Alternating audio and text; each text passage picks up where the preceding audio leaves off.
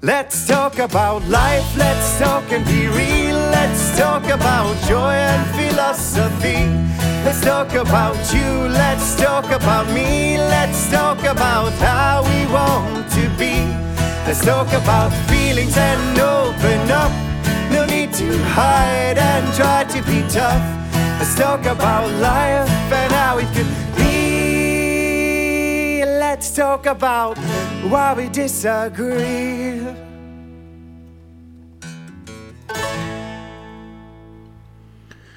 God dag og velkommen til Ole Landfors podkast. I dag så skal jeg se mer på hvordan man kan snakke for å få til mer samarbeid i heimen. Og ja, hvordan vi kommuniserer det er jo veldig viktig for oss menn. Og jeg vil se på hva man kan gjøre og hva man ikke skal gjøre i, i samtaler. Og det er hovedsakelig et tips med tanke på foreldre til barn. Men det kan òg være lærere til barn. Eh, og jeg mener at vi voksne kanskje er store unger i en kjempestor kropp av og til òg, som òg fortjener å eh, bli snakka til og få omtale når, når vi gir beskjeder til hverandre. Så det kan være lærerikt for deg som er gift, samboer, forelder, jobbkollega eller eh, lærere. Ledere òg, sikkert. Så, men når man har frihet som en av sine høyeste verdier, så kan det være vanskelig å få det du ønsker av andre. Som forelder så må man få ungene sine til å høre etter seg og gjøre noe av det du forventer i huset. Så hvordan motiverer man til det uten å være masete eller bruke tvang eller bli streng eller komme med noe sånn trusler på ellers så får du ikke det eller det. Så, så er det noen eksempler på hvordan folk tror at andre mennesker liker å bli snakka til, og som de tror kanskje kan motivere til videre endring i framtida, sånn at de forbedrer seg. Og vi kan jo late som at eh, det er jeg som snakker til deg nå, og så kan du kjenne på motivasjonsfølelser og lysten til å hjelpe til etter å ha kommet med de geniale ordene for å skape litt samarbeidsvilje i heimen. Ah, du satte den skitne fingeravtrykkene på døra igjen. Hvorfor gjør du alltid det? Hva faen er det som feiler deg? Klarer ikke å gjøre noe rett? Hvor mange ganger må jeg si at du skal bruke dørhåndtaket? Problemet ditt er at du aldri hører etter. Så hvordan føles er det som dukker opp når jeg kommuniserer på den trivelige måten her? De fleste syns ikke at det er så trivelig, og man eh, tenker nok mer på at jeg blir så jævla forbanna på en person som eh, ikke snakker til meg på en OK måte. Ja, jeg forstår at jeg ikke har gjort en god jobb, men ikke gni det så jævlig inn, kanskje. Kanskje det er noe sånt som dukker opp når du hører Nordland. Så da skal vi se på litt mer trivelige beskjeder. Og hva, hvordan kan vi vekke samarbeidsvilje? Og da er det fra boka How, How to Talk So Kids Will Listen and Listen So Kids Will Talk, heter den boka. Så i den boka så er det fem prinsipper for at du skal øke samarbeidsviljen i hjemmet til ungene, og at de skal bli motivert til å gjøre det sjøl. Så nummer én det er å beskrive problemet du ser. Nummer to gi informasjon. Nummer tre si det med ett ord eller få ord. Nummer fire da beskriver du hva du føler, og hvorfor det er viktig for deg òg. Og nummer fem gi en beskjed med på en lapp. Sånn huskeregler har laga bit Bifes. Tenker jeg på biff, da. Og en problemene kan tas Det trenger ikke å starte med en eller andre. Noen ganger må du bare bruke en ting. Si ett ord kan fungere. Noen ganger må man beskrive problemet, gi informasjon, si med ett ord. Beskriv hva du føler. Så kanskje må hele rekka være med. Men jeg tenkte vi kunne se på noen eksempler på hvordan man kan ta i bruk de prinsippene. Du er så uansvarlig. Du skrur alltid på krana og glemmer det. Vil du lage ei oversvømmelse, eller? Da er det ungen som har satt på badekaret eller vasken eller noe sånt. Så istedenfor å si sånn, komme med anklager, så går det an å beskrive det du ser. Så hvis ungen din heter Jonny, så sier vi sånn Jonny, vannet i badekaret nærmer seg kanten. Og da er det bare en informasjon og en forventning om at han gjør det. Og kanskje har han glemt det, og så da blir han påminnet.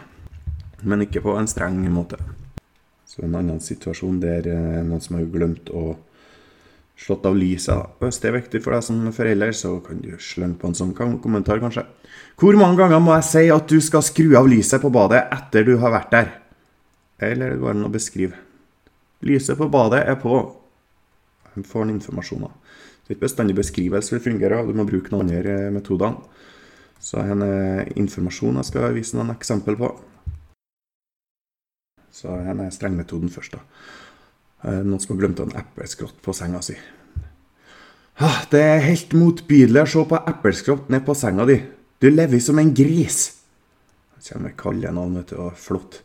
Så i stedet kan vi gi informasjon. Vi dropper kallenavnet, og så sier vi du, epleskrott det hører hjemme i søpla. Så det er kanskje lettere å takle informasjon eh, enn å bare bli anklaga for noe. Skal vi se på det sarkastisk måte å snakke det òg. Og det er hvis det er noe husarbeid som burde ha vært gjort, så går det og sier du, det kunne vel ikke falle deg inn å hjelpe til med litt husarbeid? Og så Hvis en spør sånn sarkastisk, så, så nei, sikkert eh, tankene er nei, siden du spør så sarkastisk og nedlatende, så velger jeg fint å leve opp til forventningene dine om at jeg ikke tenker på sånt husarbeid. Så jeg beskriver det så godt an. Eller informasjonen har gått an. Ehm, jeg har blitt veldig glad om jeg har fått litt hjelp eh, til å rydde av bordet. Så er det hun som er utålmodig. Da går det å komme med anklage igjen, vet du. Du har ikke gått tur med hund i hele dag. Du fortjener ikke å ha kjæledyr. I stedet så kan hun si Jeg ser at hunden går fram og tilbake ved, ved døra. Skal vi se på det med ett ord, hvordan det kan fungere. Se på deg! Når du går ut døra uten, nå går du ut døra uten matpakke igjen. Jeg er sikker på at du ville glemt igjen eh, hodet ditt hvis det ikke hang fast på kroppen. I stedet for å være nedlatende og sur, selv om jeg syns det var en artig kommentar, så går det an å si matpakka. Og så ble det beskrevet en situasjon der ungene holdt på å rote ut alt mulig på gulvet. Og far sender et papirfly til ungene, og der står det 'Lekene må ryddes opp når dere er ferdig. Hilsen pappa'. Og det kunne visst òg fungere selv om ikke ungene kunne lese. Eh, I boka så ser de at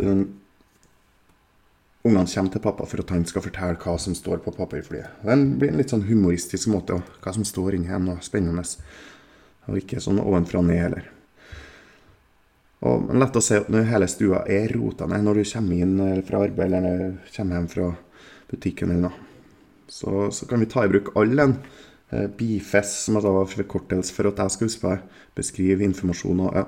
Så beskriv det du ser, eller problemet. Her ser jeg mange leker som er i veien på gulvet. Du Kan gå på informasjon. Lekene hører hjemme i, i kørga deres, eller kørga di. Si det med ett ord. Ole, lekene. Fortell det du føler. Jeg blir i dårlig humør når alle lekene ligger på gulvet sånn. Lekene hører hjemme i, i skuffa. Den. Eller vi kan til en lapp. Lekene hører hjemme i skuffa.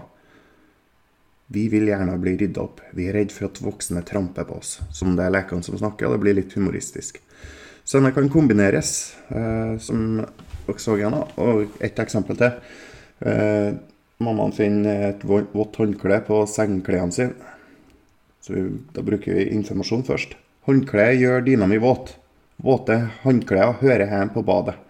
Eller beskriv. Jeg ser håndduken ligger på senga mi. Ett ord. Jonny. Håndkle. Følelse.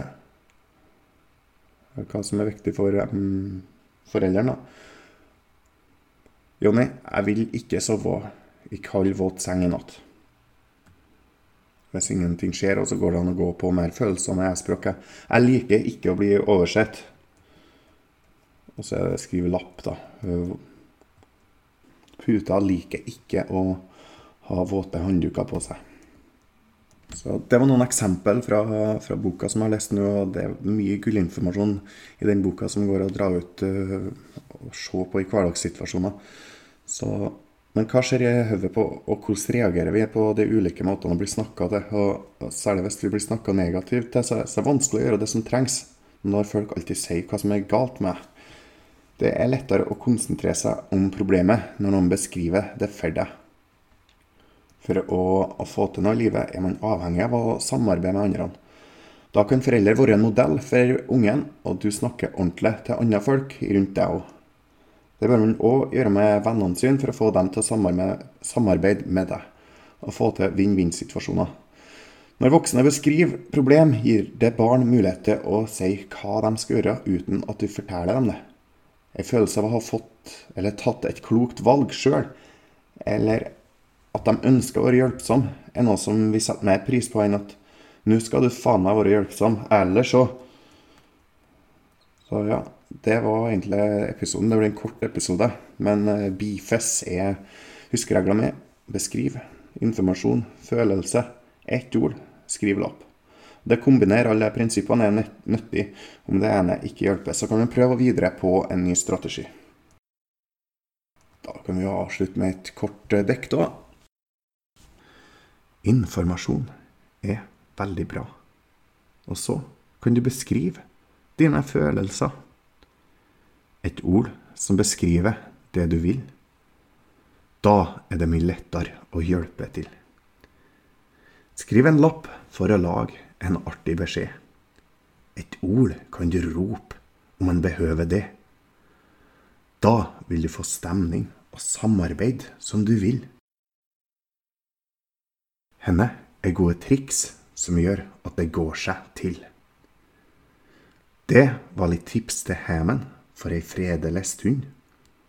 Hen episoden er over, og nå må jeg holde munn. Let's talk about life, let's talk and be real. Let's talk about joy and philosophy. Let's talk about you, let's talk about me. Let's talk about how we want to be. Let's talk about feelings and open up. No need to hide and try to be tough. Let's talk about life and how it could be. Let's talk about why we disagree.